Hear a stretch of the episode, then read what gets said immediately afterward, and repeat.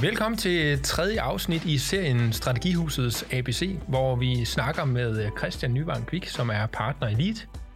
Og vi snakker blandt andet om hans nye bog, der hedder Er der nogen hjemme i Strategihuset? Velkommen til, Christian. Tak skal du have. I det her afsnit, der skal vi snakke om vision og hvordan man bruger det til at sætte retning. Så vil du ikke lige starte med at forklare os, øh, hvad er en vision? Jo, jamen jo, en vision, det er jo sådan, øh, hvis vi kigger på definitionen af det, organisationens billede af en ønskværdig, langsigtet fremtid. Og hvad betyder det så? Det betyder jo, at visionen den giver svar på nogle af de der spørgsmål, der blandt andet handler om, hvad er det egentlig, der er det der ekstraordinære, vi gerne vil lykkes med i de kommende år, som vi måske ikke lykkes fuldt ud med lige nu. Som andre ord, hvad er det egentlig, vi skal bevæge os fra og til? Og det der med, at den også er billedskabende, er egentlig også ret vigtigt, sådan lige at holde, holde blik for, for den del. Ordet vision udspringer af to latinske ord, videre, der betyder at se, og visio, som betyder syn. Så vi kan allerede høre her, at, øh, at en vision, den skal gerne være med til at male nogle billeder af, hvordan ser det egentlig ud den dag, hvor vi så deltid lykkes som, øh, som organisation. Og vi og skal kunne se det for os. Vi skal næsten kunne mærke det, smage det, fornemme det. Ja, præcis, ja. Så sådan lidt opsummerende kan man også sige, at, øh, at en vision, den, den skal jo balancere på den der fine balance mellem, at det skal ikke være noget, der, der bare sådan lige er til at opnå, men det skal heller ikke være decideret utopisk øh, og komplet urealistisk at nå i mål med. Så vi siger typisk også, at en vision, det er sådan det, der skal være, øh, altså hvis man kigger på ambitionsniveauet i forhold til, hvad, hvad den skal handle om, så skal det være noget, der er inden for synsvide på nuværende tidspunkt, men måske alligevel er, er uden for rækkevidde. Mm. Det er sådan der, vi skal forsøge at ramme den, og så siger vi typisk også, at en vision skal have en tidshorisont på mellem 3 og 10 år, i forhold til, hvornår vi gerne skal være i mål med den. Ja, og det er tommelfingerregler, men, men hvorfor er de vigtige? Hvorfor oplever du også, at det er vigtigt, at man gør det på den måde? Jamen, det er der i virkeligheden flere grunde til. Øh, man kan sige, at den der, det billedskabende element, det ved vi også fra forskning af, jamen, det er også noget, det der gør, når vi kan se for os, hvordan det ser ud, at øh, i stedet for, at vi siger på skoleområdet, at øh, visionen er, at alle vores børn går glade hjem hver dag, for eksempel. Det kunne være fint nok, øh, hvis det var sådan en trivselsdagsorden, vi skulle fokusere på. Men hvis vi i stedet for siger, at vores vision er, at øh, alle børn hver dag forlader skolen med et smil på læben, så kan vi begynde at se for os, hvordan ser det egentlig ud. Det gør det også nemmere for os at huske visionen, fordi den får ikke et begrebsligt ophæng, men et, et kognitivt billedligt øh, ophæng i stedet for. Så det gør simpelthen, at den bliver mere, øh, den bliver lettere at huske, og det bliver lettere at se for sig, hvordan det ser ud den dag, hvor vi lykkes. Og, øh, og i forhold til det der med tidshorisonten, når vi siger 3-10 år, det er der sådan lidt uenighed om i, i den her videnskabelige litteratur om det. Men det handler bund, i bund og grund om, at hvis vi sagde, nu taler vi om meditation øh, for, hvor vi skal være om et år for eksempel, jamen der kan vi dårligt nok nå at lave en involverende visionsproces og i gang sætte de strategiske indsatser, der skal få os i mål og alt muligt andet, før visionens tidshorisont er udløb. Ja, det er naturligt. Ja, så derfor skal vi minimum op på tre år, og jeg plejer egentlig i praksis altid at sige, nu arbejder jeg jo meget i det offentlige, at sige, vi skal gerne have det til at, at passe med, med valgårene. Det er jo hver fjerde år, der er valg ude i kommunerne for eksempel. Så som minimum for en valgperiode skal visionen gælde, det er fire år, men gerne for to eller tre, så vi taler 8 eller 12 år, for det øger også, hvad skal man sige, ambitionsniveauet for, hvor ambitiøse vi kan være, når der er en længere tidshorisont. Ja. Og så ved jeg også, at du er meget optaget af, at vi øh, jamen, forstår tingene korrekt, og vi får luet ud i nogle af de der misforståelser. Så hvad er en vision ikke? Altså, hvornår har man misforstået det, hvis man kalder det en vision? Jamen, der er jo flere ting, det ikke er. Altså, der hvor jeg tit ser, at, øh, at der er de største udfordringer, i, øh, i sådan begrebsligt uh, mismask, det er skældet mellem mission og vision. Uh, vi har jo talt lidt om, om det her skæld tidligere i, i et af de forrige afsnit, men hvor vi kan sige, at en mission, den centrerer sig om det, vi skal lykkes med her og nu, den værdiskabelse, vi skal lykkes med her og nu. Visionen kigger fremad og siger noget om den værdiskabelse, vi skal lykkes med at lave på sigt, som vi ikke formår at lave lige nu. Så hvad skal vi, og hvad, hvad vil vi? Ja, lige præcis. Sådan kan, du, sådan kan du egentlig godt sætte det op og et nutidsfokus og et fremtidsfokus, kunne vi også, øh, kunne vi også sige. Det er sådan den ene skældning. Den anden skældning øh, er måske i virkeligheden øh, lige så vigtig, øh, og det er sådan en, jeg tit ser ud i praksis, at, øh, at, at her er der nogen, der, der falder i. Det er skældet mellem en vision og så det, der hedder et, øh, et slogan, øh, hvor man kan sige, et slogan udspringer af to galiske ord, slua, som betyder skare, og så garm, som betyder råb. Så man kan sige, hvad er et, øh, hvad er et slogan så? Jamen et slogan er egentlig et råb ud til en skare, hvor, altså ud til en befolkningsgruppe, hvor en, øh, en organisation den ligesom forsøger at udtrykke et eller andet øh, standpunkt, eller en holdning, eller en erklæring, et statement, kunne vi også sige, øh, i sådan et øh, mm. amerikaniseret sprog. Ja, det behøver Men, ikke være visionen.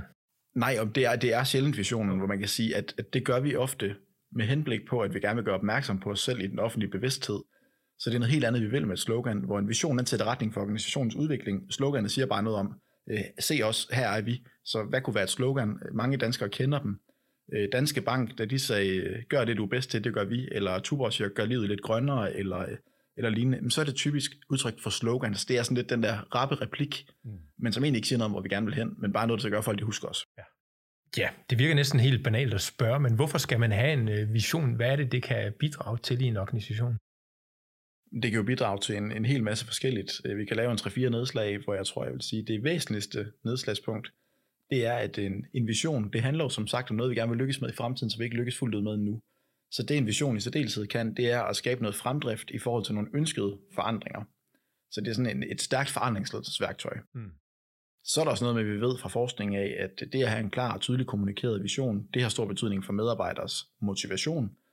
Vi ved, det kan øge deres engagement i arbejdet også. Typisk kunne man forestille sig, at det måske hænger sammen med, at en vision det også kan være den der fælles pagt, der skaber øh, rammerne for, at vi får et motiverende arbejdsfællesskab med et fælles sigte, vi, øh, vi, vi alle sammen skal lykkes med.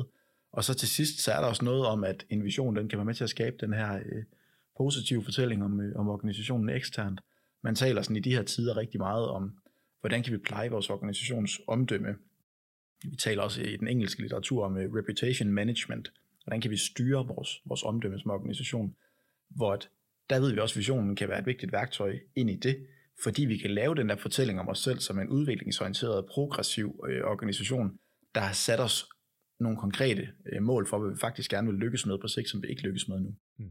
Så flere veje til, hvad, hvad en vision den kan bidrage med. Ja, den kan mange forskellige ting. Ja. Men det lyder også som om, at det er det, den kan, når den er god. Altså, og der, der ved vi jo også selv, at en gang imellem, så er det også nogle luftige ord i stedet for. Så, så hvordan er det, man undgår det der med, at det bliver sådan et sloganagtigt luftige ord, og folk sidder og tænker, ja, det lyder da meget imponerende, men har det nogen gang på jorden? Altså?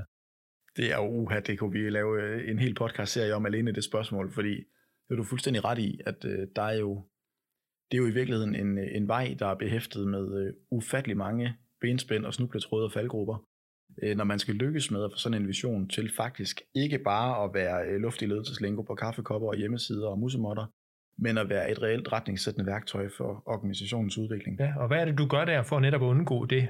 Jamen flere ting. Jeg tror, jeg vil sige, den første, det handler i virkeligheden om det her med visionslængde. Der er forskning, der viser, at hvis medarbejdere skal være i stand til at huske organisationens vision, jamen så skal visionen ikke være mere end et sted mellem 10 og 20 år. Altså selve den der skarpe visions one-liner. Det er den første del. Så sørg for, at visionen den ikke bliver længere, end at vi faktisk kan huske den. Den næste del, det er så, at jeg også oplever, at, at mange, måske så lidt fejlagtigt, kommer til at tænke, jamen nu har vi lavet den der skarpe one-liner på 10, 15, 20 år, og så er vi i mål. Hvor jeg vil sige, nej, det er sådan set den mindst vigtige del, for vi skal ikke bare have en visionssætning, vi skal have et visionsdokument. Mm. Så det handler også om, at når vi har lavet den der skarpe one-liner, den sammenfatter sådan set bare alt det andet, der står længere nede, der er i prosatekst. Jeg taler tit om, at vi kan have visionspejlemærker. Så konkret, at man får lavet et visionsdokument, typisk på en 3-4 sider. Ikke tæt skrevne 3-4 sider, sådan taler jeg ikke om det, men, men at vi i virkeligheden siger, at der er måske 10 siders, øh, eller 10 linjers prosatekst til en 3-4 forskellige visionspejlemærker, som så sætter på formel, hvad er det egentlig, vi gerne vil lykkes med konkret de næste 5 eller 7 eller 10 år for eksempel. Ja, fordi hvad er et pejlemærke? Altså et visionspejlemærke? Det er i virkeligheden en, øh, en underkategori, eller hvad kan man sige, det er en underkategori til selve visionen. Så du har, hvis, lad os sige, du havde et øh, visionsdokument, jeg kan tage et konkret eksempel fra en, øh, en kundeopgave, jeg selv har haft. Øh, hele, hele sidste år arbejdede jeg for øh, Fredericia Kommune, øh, og var, var med ind og facilitere hele deres visionsproces. Et øh, stort forløb med en 500-600 involverede personer, øh, og masser af samtaleslonger og fokusgruppeinterviews og workshops og alt muligt. Og det kom der en masse, det kom der knap 2.000 øh, inputs til en vision ud af. Øh, og det blev der så ligesom kogt suppe på bagefter, øh, og, øh, og ud af det er der, øh, er der så kommet et visionsdokument nu. Hvor man kan sige, at der er en overordnet vision der, som hedder Fredericia, fremtidens centrum for den grønne omstilling for kulturen og for børnefamilierne. Det er den der skarpe one-liner, der samler det hele. Men den er så ligesom uddybet i tre pejlemærker, der siger noget, hvad vil vi gerne, hvor, Lad os bare lige tage et af dem. Øh, der er det pejlemærke, der for eksempel hedder grøn i verdensklasse. Så hvad handler det så om? Det trækker selvfølgelig tråd tilbage til den overordnede vision, der også hedder Fredericia, fremtidens centrum for den grønne omstilling. Og så var der også det her med for kulturen og for børnefamilierne. Men det der pejlemærke, der hedder grøn i verdensklasse, det har de så uddybet i, i sådan et pejlemærke på, hvad er det, 10-12 linjer eller sådan noget, mm. hvor der så blandt andet står noget om, jamen, hvad er det egentlig, vi gerne vil under det her med, med den grønne omstilling? Jamen, at det handler blandt andet om noget med, at øh, den her ret unikke geografiske placering, Fredericia har midt i Danmark, det skal være et afsæt for faktisk også at kunne øh, altså, tænke sig selv ind i en grøn omstilling i forhold til infrastruktur. Mm. Der er også noget med at sige, at vi vil gerne have nogle uddannelser, som er på efterviddannelsesområdet, der går ind i den grønne retning, ingeniøruddannelser og mm. lignende. Mm. Der er noget med at være, være grøn i forhold til grønne energiformer, affaldssortering og sådan noget. Så det er der, hvor vi uddyber, hvad vi ja. gerne vil nå. Og hvorfor er det nødvendigt at uddybe det? Så hvad får man ud af at uddybe det på den måde at have de her pejlemærker? Vi kommer væk fra, at hvis det, hvis det eneste, vi har, det er den der one-liner-sætning, så er der en kæmpe stor risiko for, at et, dem, der skal være med til at udleve visionen, de faktisk ikke helt forstår, hvad det handler om, fordi der står kun noget med, når vi skal være i centrum for den grønne omstilling. Men det kan du lægge alt og intet ind under, hvis ikke du får det udspecificeret på en eller anden måde, hvad er det, vi mener med det. Øh, så er der også noget med, altså så det er selve uddybningsdelen, men så er der også noget med rent faktisk at sikre en samstemthed eller afstemthed på tværs, sådan at er vi egentlig på samme side i bogen, i bund og grund. Øh, det er den næste del.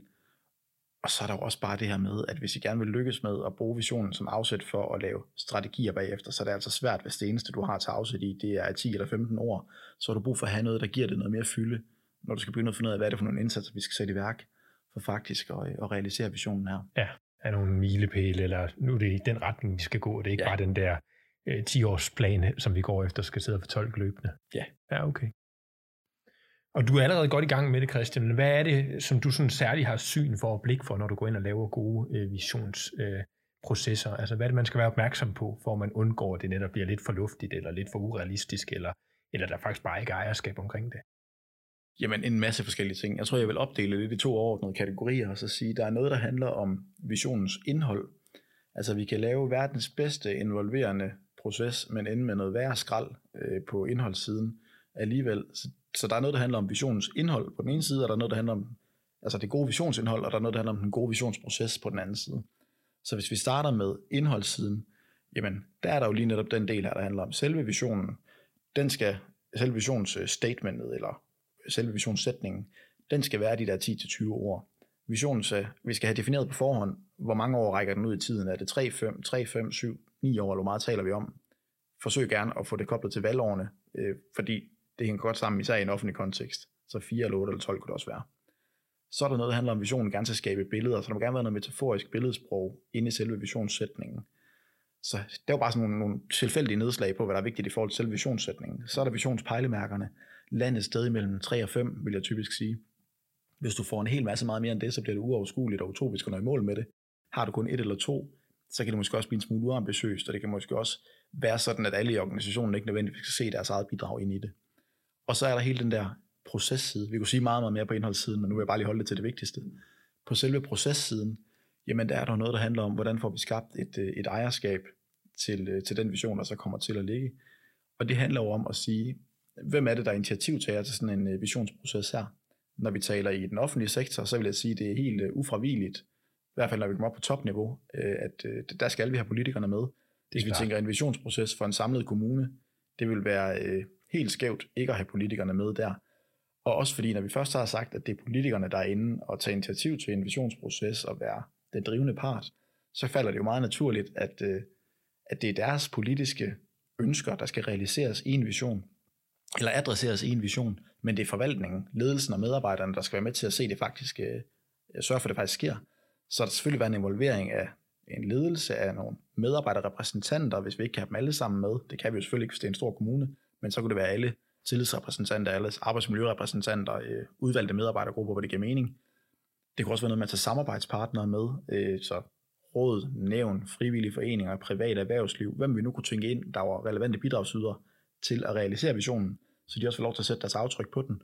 Så det handler i virkeligheden om, du kan godt høre, at jeg er fortaler for involvering, ja. øh, og det er jeg i virkeligheden af flere grunde. Jeg plejer sådan nogle gange at sige, at øh, det er svært at at finde sig i en vision, hvis ikke man kan finde sig selv i visionen. Mm. Øh, kan, kan de få den igen? Ja, ja. at det, er, det kan være svært at finde sig i visionen, hvis ikke man kan finde sig selv i ja, visionen. Okay. Jeg vil ikke finde mig i det her, jeg vil ikke være med til det her, hvis ikke jeg kan se mig selv i det. Præcis. Det giver mening for ja. mig, eller sådan. Og det er derfor, man inddrager så meget, som, som du egentlig er fortaler for. Ja, det er det, øh, og det er jo i virkeligheden, fordi du kan, du kan sagtens komme øh, og tage afsted på et to-dages internat som topledelse, og så sige bum, bum, bum, lidt, uh, lidt hurtig proces, og uh, måske lidt, lidt bistand fra en ekstern konsulent, og så har vi 1, 2, 3 fået uh, klappet et visionsdokument ja. på plads. Svær var det ikke. Svær var det ikke, ja. men det vil sige, den svære øvelse, det er ikke at formulere noget på skrift, det er at få det til at leve i organisationen bagefter. Så vi kan, og hvis vi laver den der uh, meget hurtige startproces, i stedet for at sige, det er faktisk okay, vi tager os noget tid til det her, til selve udviklingsarbejdet, så er det bare, at vi risikerer, at det bliver en enorm besværlig implementeringsproces, der kommer bagefter.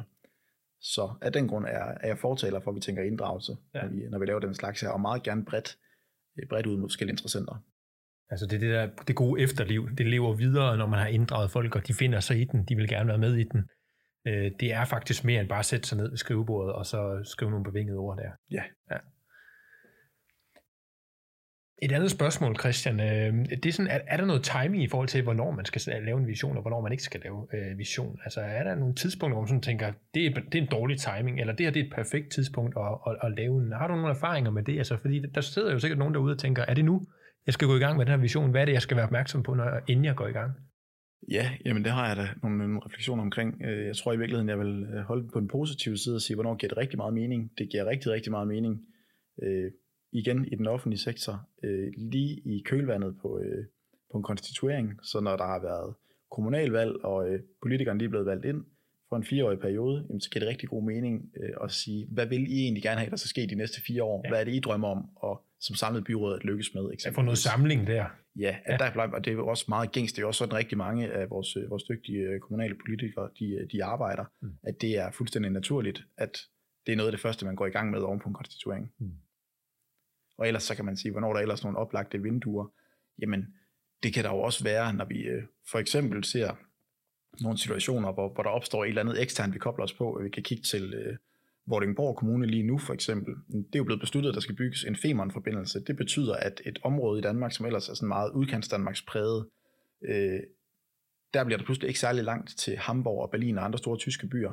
Jamen, det er jo oplagt, at øh, lokalpolitikerne i Vordingborg Kommune, de så tænker, hmm, hvordan kan vi egentlig koble os på det her? Mm. Øh, der sker nogle ting i vores omgivelser, som helt naturligt kan afføde nogle muligheder, hvis ellers vi hopper med på bølgen. Så det kunne være noget med at sige, hvordan er det, som de så også har gjort i Vordingborg, hvordan er det også, vi kan bruge det her til at lave en vision, der handler om, at, øh, at vi i virkeligheden bliver en, en form for erhvervsmæssig forstad til nogle af de helt store byer, øh, og måske kan skabe noget mere liv i et ellers øh, desværre lidt, lidt uddøende område. Ja. Altså det handler både om, at der nogle gange er nogle faste rytmer, det er godt at gøre i starten af en valgperiode, men det er faktisk også det der med, når man nu, nu kan se, at der er en mulighed, vi griber chancen her, nu kan vi skabe en ny fortælling eller en ny retning om, hvor det er, vi er på vej hen. Ja, okay. Ja. Og altså, jeg er jo meget bevidst om, Christian, vi får jo ikke alt ud af dit kloge hoved, og du har arbejdet med det her i rigtig, rigtig mange år, men sådan her til sidst, altså, er der en eller to ting, som du tænker, det er sådan det særlig vigtigt, som du gerne vil give videre til vores lyttere, der sidder der og tænker, jeg kunne faktisk godt have lyst til at lave et visionsstatement for min organisation. Øh, hvordan bruger jeg den? Øh, hvad er det, jeg skal opspå? Er der, er der en eller to ting, du, du vil trække frem her til sidst? Ja, det er der. Jamen, så tror jeg, jeg vil sige, øh, så vil jeg tage to forskellige ting. Jeg vil sige, den første, det er, at jeg har oplevet på rigtig, rigtig mange øh, seminarer og workshops, hvor det her det har været øh, omdrejningspunktet, at så er der den der med, hvordan er det lige, vi får lavet en, øh, en inddragende proces, hvor vi får de der inputs, hvordan høster vi dem? Øh, og der plejer jeg tit at tale om, øh, om tre F'er, vi skal have blik for, når vi skal modtage inputs til visioner. Så der er noget, der handler om forbedringer. Altså at vi spørger os selv og dem, der deltager på en visionsworkshop, hvor ser vi egentlig, der er potentiale for forbedringer? Så hvad er det egentlig, vi skal have blik for at lykkes endnu bedre med øh, i fremtiden, sammenlignet med, hvor, hvor vi er i dag? Det er sådan måske knap så visionært, men det kunne være i en kommunal kontekst, så kunne det være, at man sagde, at vi kan faktisk se, at der er alt for mange af vores øh, børn i folkeskolen, der øh, mistrives, så vi laver en, øh, en et pejlemærke øh, i vores visionsdokument, som faktisk handler om en fremtid. Vi beskriver en fremtid, hvor børnene i højere grad trives og har det godt, øh, og, og ligesom får det frem den vej igennem. Det kan også være, at vi siger, at der er alt for mange, øh, der ryger og har dårligt fysisk helbred, så er det det, vi adresserer eller lignende. Så det er optimering på det eksisterende. Mm. Så er der det, der er supervisionært. Det er fremtidsstrømsperspektivet. Det er det andet perspektiv. Hvor vi så spørger os selv, hvordan er det egentlig, vores vildeste fremtidsstrømme, de ser ud? Hvad er det, der er helt ekstraordinært, vi drømmer om at lykkes med i fremtiden? Hvor det kunne igen i en kommunal kontekst være der, hvor vi så siger, nu glemmer vi lige øh, økonomi eller personalemæssige begrænsninger eller alt muligt andet, der kunne, der kunne lægges ind som benspænd til at sige, det lader sig alligevel ikke gøre. Men der, hvor vi vil sige, hvis vi fik øh, puljemidler, fondsmidler, øh, samarbejde med private investorer, hvis det var økonomien, der, der, der klemmer, hvad er det så, vi drømmer om? Og det kunne jo godt være, at man så vil sige, for den, øh, den kommunale organisation, jamen så skal vi have Øh, etableret et øh, helt nyt øh, uddannelsescampus, eller hvad det nu kunne være, et eller andet stort, vi drømmer om at få op at køre. Og til sidst fortællingsperspektivet, det tredje F, det handler om, hvad er det egentlig for en fortælling, vi ønsker, der skal være om vores organisation i fremtiden. Hvis vi gik ud og spurgte folk ude i byen, vores, det kunne være borgerne, det kunne også være samarbejdspartnere eller andre kommuner, hvad er det så, vi drømmer om, de vil sige om os om 5 eller 7 eller 10 år for eksempel. Og det er tit her, jeg ser, at dem, der vælger at gå den vej, hvor det er det strategiske narrativ, altså fortællingen, der er, der er i, i hovedsædet, det er tit nogle organisationer, der har været præget af en, øh, et uheldigt narrativ tidligere. Så det kan være øh, kommunen, der har været sådan en tung industriby, hvor man så siger, at vi vil gerne gå fra at være den tunge industriby til at blive øh, byen, der, der ligesom fokuserer på den grønne omstilling, at det er det, det handler om. Eller vi kunne kigge til Odense Kommune, er egentlig et meget godt øh, eksempel på den vision, de har der, som øh, hedder fra stor dansk by til dansk storby. Der er også den der tydelige bevægelse. Hvad kommer vi fra, og hvad vil vi gerne til? Som også er sådan om en selvopfattelse og et strategisk narrativ. Og jeg tror, det er den ene pointe, jeg vil hive frem. Den anden pointe, jeg vil hive frem, det er, øh, det, det er sådan lidt, øh, nu er jeg jo fra, øh, fra 90'er generationen, start 90'er generationen, så øh, jeg er jo vokset op med, øh, med Spice Girls, selvom det måske mere, øh, mere er noget, der, øh, der kunne appellere til, til et endnu ældre publikum. Men der var jo den her famøse Spice Girls sang, der, øh, der hed Wannabe, hvor de øh, yeah. synger So tell me what you want, what you really, really want. Øh, og øh, jeg ved godt, I sidder og tænker nu, hvad i alverden ja, hvad kommer der, der nu? Der skal siges nu. Yes, der kommer det, jeg kalder for Spice Girls-princippet, øh, som øh, i al sin enkelhed handler om, at når vi skal formulere en vision, så skal vi hele tiden huske på, hvad er opdraget. Opdraget er, at vi laver en vision, fordi vi gerne vil have en klar retning for vores organisation. Det betyder også, at vi skal være villige til at skære fra, for når vi laver store inddragende processer, så vil vi få ufattelig mange inputs, og vi vil stå med ufattelig mange bud på, hvilken retning organisationen skal bevæge sig i. Så vi skal sige til dem, der giver inputs, at Spice Girls-princippet eksisterer fra start af. So tell me what you want, what you really, really want. Så det handler om det, vi særligt vil drømme om og lykkes med. De forbedringer, vi særligt drømmer om, der skal ske. De fremtidsdrømme, vi særligt gerne vil realisere.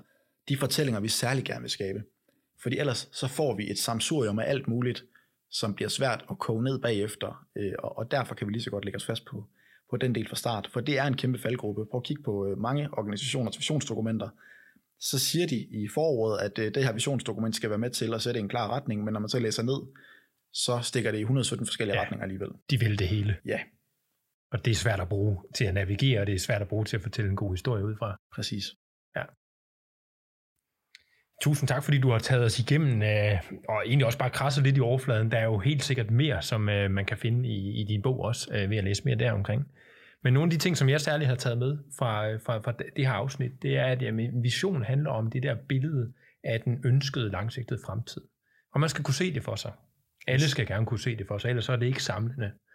Derudover så skal det ikke nok, det bare er billedligt. Men der skal også være nogle pejlemærker, nogle tydelige pejlemærker, sådan så vi kan se, nu er vi på rette vej, og vi skal lykkes med de her ting, så, så, så er vi tættere på at være øh, nær ved målet. Og det er også vigtigt, for at det ikke bliver for fluffy. Så snakkede du også lidt om, at det kan bruges som et forandringsredskab, forandringsledelsesredskab, til at sætte en ny retning, øh, sige, hvad er det, vi vil de næste par år. Øh, det er det, vi skal gå sammen om. Måske også at vælge en anderledes retning, end hvad man tidligere har gjort. Så det er et ledelsesmæssigt værktøj til at sætte retning øh, og skubbe på sin organisation. Og så her til allersidst, der var vi inde på øh, Spice Girls-princippet. Vi skal altså nå ind til det, som vi virkelig, virkelig gerne vil. Og der må vi vælge nogle af de andre ting til, sådan så det står skarpt fremt hvad er det for nogle forbedringer, vi vil have? Hvad er det for nogle fremtidsdrømme, vi har? Og hvad er det for en fortælling, som vi samles om øh, og går på arbejde for at, for at bidrage til? Var det nogenlunde det hele? Det var en skarp opsummering. Godt. Så øh, håber jeg, at I ligesom jeg, jeg har fået noget rigtig godt øh, med derhjemme. At der er noget, som du sidder og tænker, det kunne da godt være, at jeg skulle gå hjem og snakke med min leder om det, eller med mine kollegaer omkring det. Så vil jeg i hvert fald gerne ønske jer god arbejdsløst med det. Grundlaget for dagens samtale, det er bogen Er der nogen hjemme i Strategihuset? Find bogen i diverse online boghandlere. Og hvis du ønsker at følge med i, hvad der sker på det her område, så kan du både følge Christian og Lead på LinkedIn, eller på vores hjemmeside lead.eu.